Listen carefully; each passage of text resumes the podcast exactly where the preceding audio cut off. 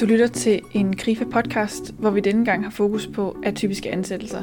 Mit navn er Mette Rode, og jeg er journalist i Grife.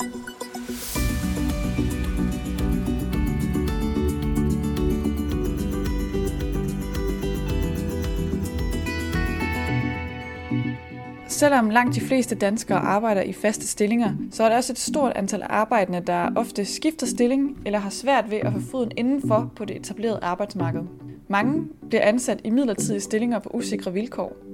Også det, man kalder atypiske ansættelser. Men hvordan takler man det at være ansat i atypiske stillinger bedst muligt? Og kan og skal man lære at holde af det frie arbejdsliv? I den her podcast skal vi kigge nærmere på, hvordan det påvirker den enkelte at have et atypisk arbejde. Vi skal møde Elisabeth Flyger, der har arbejdet på den her måde i 6 år. Og så skal vi møde erhvervspsykolog i KRIFA, Rasmus Højbæk. Og vi skal også møde en arbejdsmarkedsforsker fra Københavns Universitet, Trine Pernille Larsen.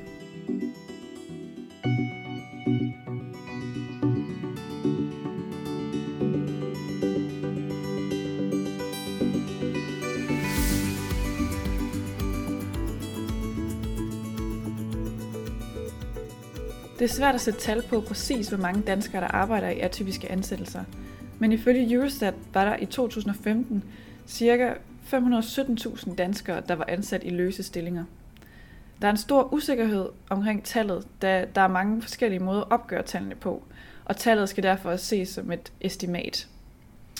Trine Pernille Larsen, der er professor ved FAERS, Forskningscenter for Arbejdsmarkeds- og Organisationsstudier ved Københavns Universitet, fortæller, at stigningen i atypiske ansættelser ikke er så stor i Danmark, som den er i lande som Spanien og Grækenland. Men alligevel er der god grund til at rette opmærksomhed på området. Atypiske ansættelser skaber i sig selv ikke udfordringer. Er ikke i sig selv problematiske, men det er i samspillet med det omkringliggende samfund og den måde, vi har indrettet vores samfund på, at det kan være med til at skabe nogle udfordringer. Og i og med, at man i en dansk kontekst har bygget ens, vores velfærdsstat og vores aftalesystem med kollektive forhandlinger og overenskomster op omkring ideen om fast fuldtidsstilling, så er der nogle grupper, og især dem, som har en løsere tilknytning og har en ansættelse, som ikke er en fast fuldtidsstilling, som på forskellige vis kan risikere at komme i klemme øh, med forskellige stoler og forskellige systemer da det i udgangspunktet er bygget op om ideen, at man har en fast fuldtidsstilling. Hvordan kan man komme i klemme? Der, der, hvor der kan være nogle udfordringer for nogle grupper, er blandt andet, at for eksempel retten til dagpenge, er, at man skal have over en treårig periode 1.920 timer inden for en treårig periode. Har man ikke, for at kan genoptjene sin ret til dagpenge. Og har man et deltidsjob med under 15 timer om ugen, eller under 8 timer om ugen, så kan det være svært at nå op på 1920 timer inden for den periode. Og dermed få adgang til de dagpengeretten. Det samme gør sig gældende i forhold til, når man skal have ret til løn under sygdom. Er der også nogle beskæftigelseskrav, som gør, at der er nogle grupper, som for eksempel dem, som har korttidsansættelser, og dem, som har få ugenlige arbejdstimer, har svært ved at optjene ret til for eksempel sygdagpenge. Hvad har de udløsende faktorer været til, at der er forholdsvis mange, der arbejder i atypiske ansættelser? Alt er jo relativt, når vi taler mange. For sammenligner vi det danske arbejdsmarked med de europæiske arbejdsmarkeder, så scorer vi relativt lavt i en europæisk sammenhæng. Blandt andet på de tidsbegrænsede stillinger, antallet af folk, som er ansat i vikariater, øh, folk, som er solo selvstændige, det vil sige ansatte, har egen virksomhed, men er kun sig selv, altså enkeltmandsvirksomheder, er vi noget lavere i statistikken. En undtagelse er i forhold til deltid, hvor Danmark ligesom Holland har en ret høj deltidsbeskæftigelse. Hvad der har været de udløsende faktorer, jamen det er jo det store millionspørgsmål. Men det, der pointeres inden for litteraturen og, og fremhæves ofte, det er blandt andet den her globalisering, teknologiske forandringer, og også det, at man har ændringer i ens supply chain. Altså det, man producerer ikke i så høj grad, for eksempel inden for fremstillingsindustrien, til lager.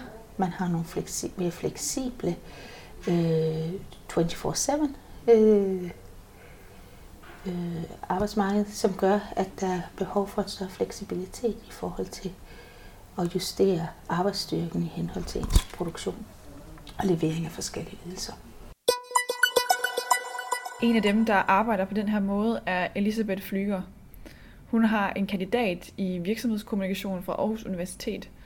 Og Elisabeth blev færdiguddannet for seks år siden, og har i den periode arbejdet i projektstillinger og tidsbegrænsede ansættelser.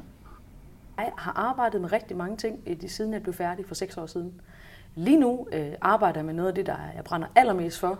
Øh, det er at lave karrieresamtaler og karriereudvikling sam, sammenholdt med at være, lave forretningsudvikling og organisationsudvikling. Det har simpelthen fået en mulighed for øh, den næste måneds tid, og så må vi se, hvad der så sker derefter. Øh, det er virkelig det, jeg brænder for. Hvordan oplever du det så at være ansat i midlertidige stillinger, altså gå fra den ene stilling til den anden? Altså, jeg, oplever, jeg, oplever, jeg oplever jo faktisk, at jeg udvikler nogle rigtig brugbare kompetencer på den måde.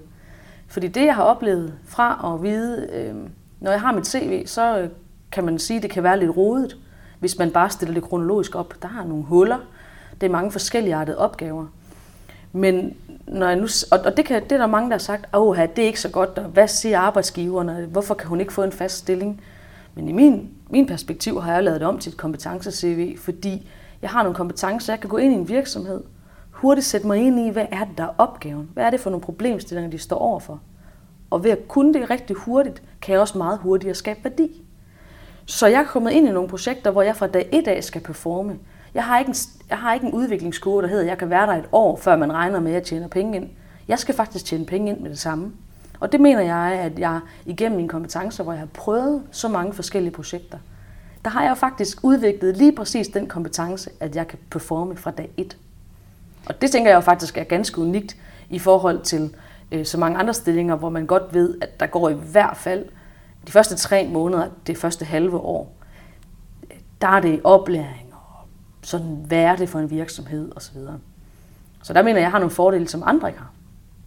Men hvordan undgår man, at det bliver et ekstra pres, at man skal præstere fra dag et? Åh oh, ja, den er svær, fordi selvfølgelig er det et kæmpe pres hele tiden. Som jeg siger i min sidste stilling, der var jeg ansat først et halvt år. Så bliver jeg forlænget yderligere et halvt år, og efter det halve år bliver jeg forlænget et år. Og øh, jeg kunne godt mærke, at når, når vi var tæt på, altså sådan tre måneder inden, så skulle der jo faktisk til at lande en aftale, fordi ellers så vidste jeg jo ikke lige, hvad jeg skulle leve af. Så det er et stort pres, men jeg tror, øh, for mig handler det om, hvad man gør det til.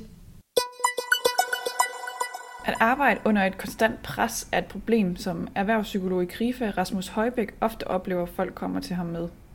Jeg tror, der er rigtig mange, der vil opleve de her atypiske ansættelser, som det jo så vil være.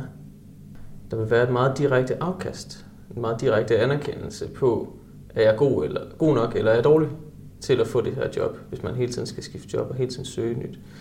Så derfor vil man også ofte opleve enten succes eller fiasko i den grad, hvor jeg tror, der er mange, der har været fastansat i et par år, netop finder tryghed i ikke at skulle ud og sælge sig, og vide, at de har en fast stilling, hvor at de er sikre, hvor de er, har ro, og hvor de har noget tryghed i at være, og ikke skulle ud og, og udfordre øh, oplevelsen af sig selv, og, og hele tiden skulle stå til mål for, at jeg er god nok i det her. Så jeg tror, det kan være rigtig hårdt. Kan du sige lidt mere om, altså hvad kan det være af positive ting ved at arbejde på den her måde? Men jeg tror, der er rigtig mange mennesker, der oplever en, en tilfredsstillelse i at have så frie rammer og have frihed i det her job, eller i hvert fald i at kunne skifte hurtigt. Øhm, selvfølgelig er man ansat, man er ikke øh, selvstændig, men, men det giver alligevel en, en mulighed for at trække sig, eller for at finde noget andet, hvis man ikke lige er så tilfreds, som man ønsker at være der, hvor man sidder. Øhm, jeg tænker, at mange kan blive hæmmet der, hvor de sidder i at blive fanget i en fast stilling og blive fanget i noget tryghed. Øhm, netop også fordi, at usikkerheden for det andet, altså hvis jeg skulle søge et nyt job, hvad kan det så medføre? Øhm, er det bedre end det her? Dårligere end det her? Øhm, hvad nu hvis det er det samme? Hvad hvis der er en dum chef? Jamen, det kan nogle gange komme til at fastholde folk i det samme sted, selvom de måske mistrives. Og jeg tror, hvis man er i en atypisk ansættelse, så har man prøvet det. Og man har nok prøvet det en del gange, så man ved, at jamen, hvis jeg skifter, og det ikke er godt, jamen, så kan jeg bare skifte igen. Selvfølgelig er det karikeret, men, men det giver bare en, en mulighed for at sige, jamen, hvis jeg mistrives, så skifter jeg bare. Samtidig giver det også en helt naturlig slutdato, som man ved, man stræber efter, eller i hvert fald på et eller andet tidspunkt når. Øhm, så hvis det er en tidsbegrænset stilling, så ved man, jamen, hvis det her det ikke går godt, og hvis jeg mistrives i det her, så er det kun x antal måneder, jeg skal udholde det. Elisabeth oplever også, at der er mange fordele ved at have et mere frit arbejdsliv. Jamen altså, en ting er, at hver gang jeg forhandler mig til en ny løn, det kan jeg jo gøre hver gang jeg laver et nyt projekt. Jeg kan prissætte mig hele tiden efter, hvad der egentlig giver mening i markedet, hvad der giver mening for mig.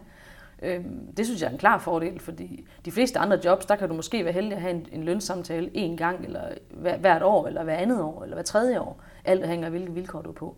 Så lønmæssigt synes jeg, at der er en stor fordel. Noget andet er også, og det synes jeg måske er allervigtigst, jeg får lov til at lave enormt mange spændende projekter.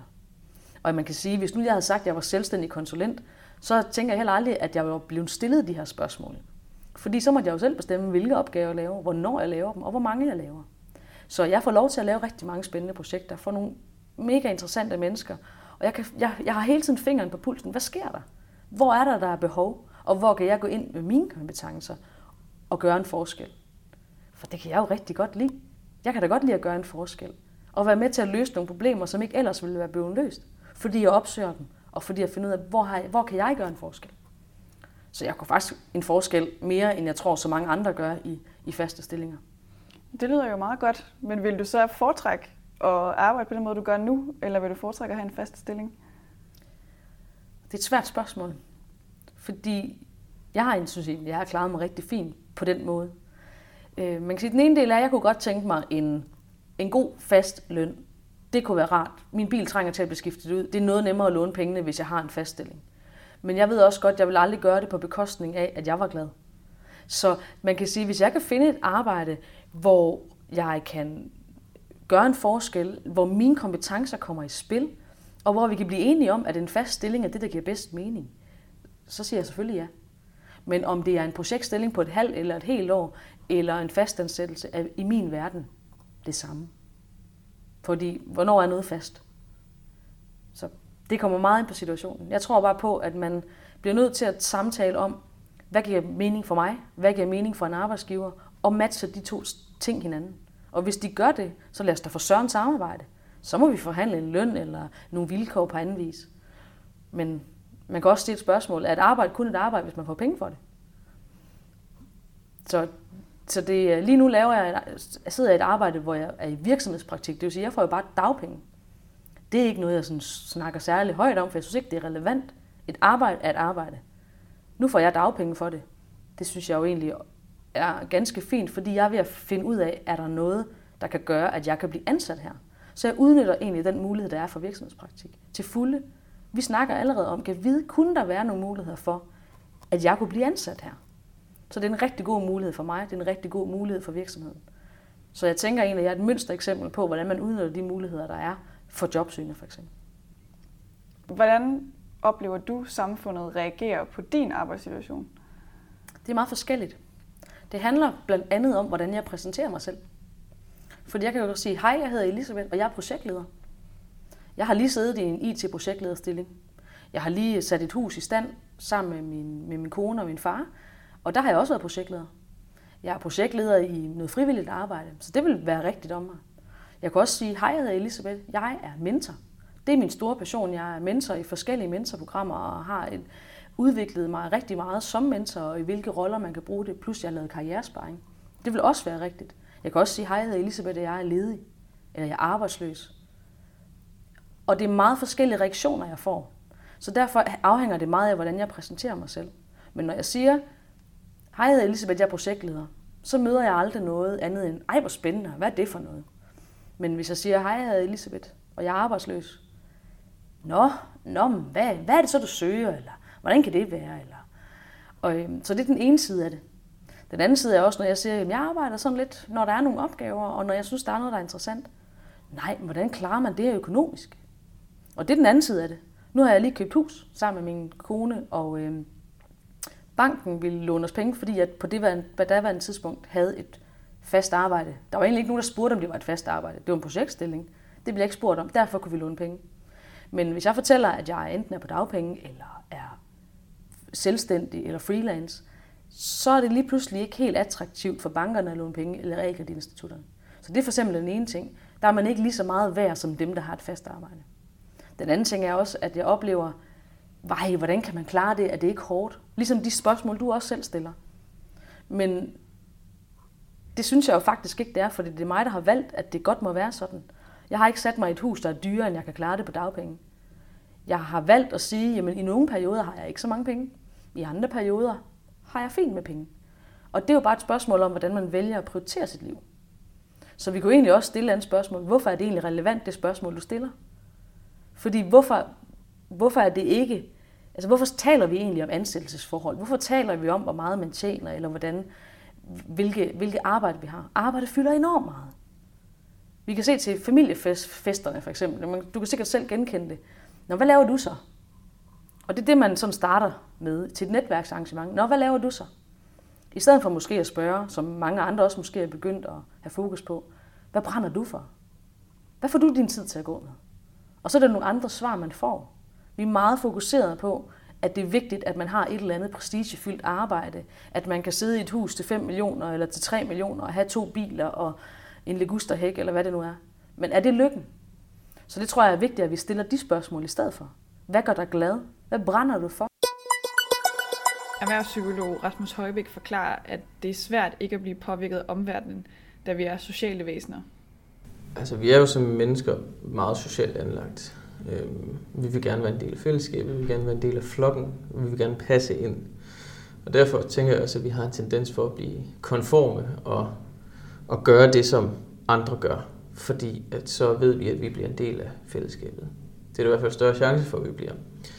Modsat risikerer vi jo at blive udelukket eller kigget skævt på, hvis vi ikke gør det. Og det betyder så også, at hvis vi gør noget, der er anderledes end det, alle andre gør, så skal vi forsvare det, og vi skal stå til måls for det. Det risikerer vi i hvert fald. Og man kan sige, at hvis folk er tilfredse, og det er jo det arbejdsmarkedet lige nu viser, at folk kan godt lide trygheden og sikkerheden i at have et fast job. Og hvis, hvis man så har det, så vil det modsatte jo så også være usikkerhed, usikkert og utrygt ved ikke at have det her faste job. Og derfor, hvis man så møder nogen, der så har det, man selv vil finde utrygt, jamen så vil man også stille spørgsmålstegn ved med det og sige, ej, hvordan kan du være i det, og hvordan gør du det, og jeg ville godt nok blive nervøs, eller jeg ville blive utryg i det.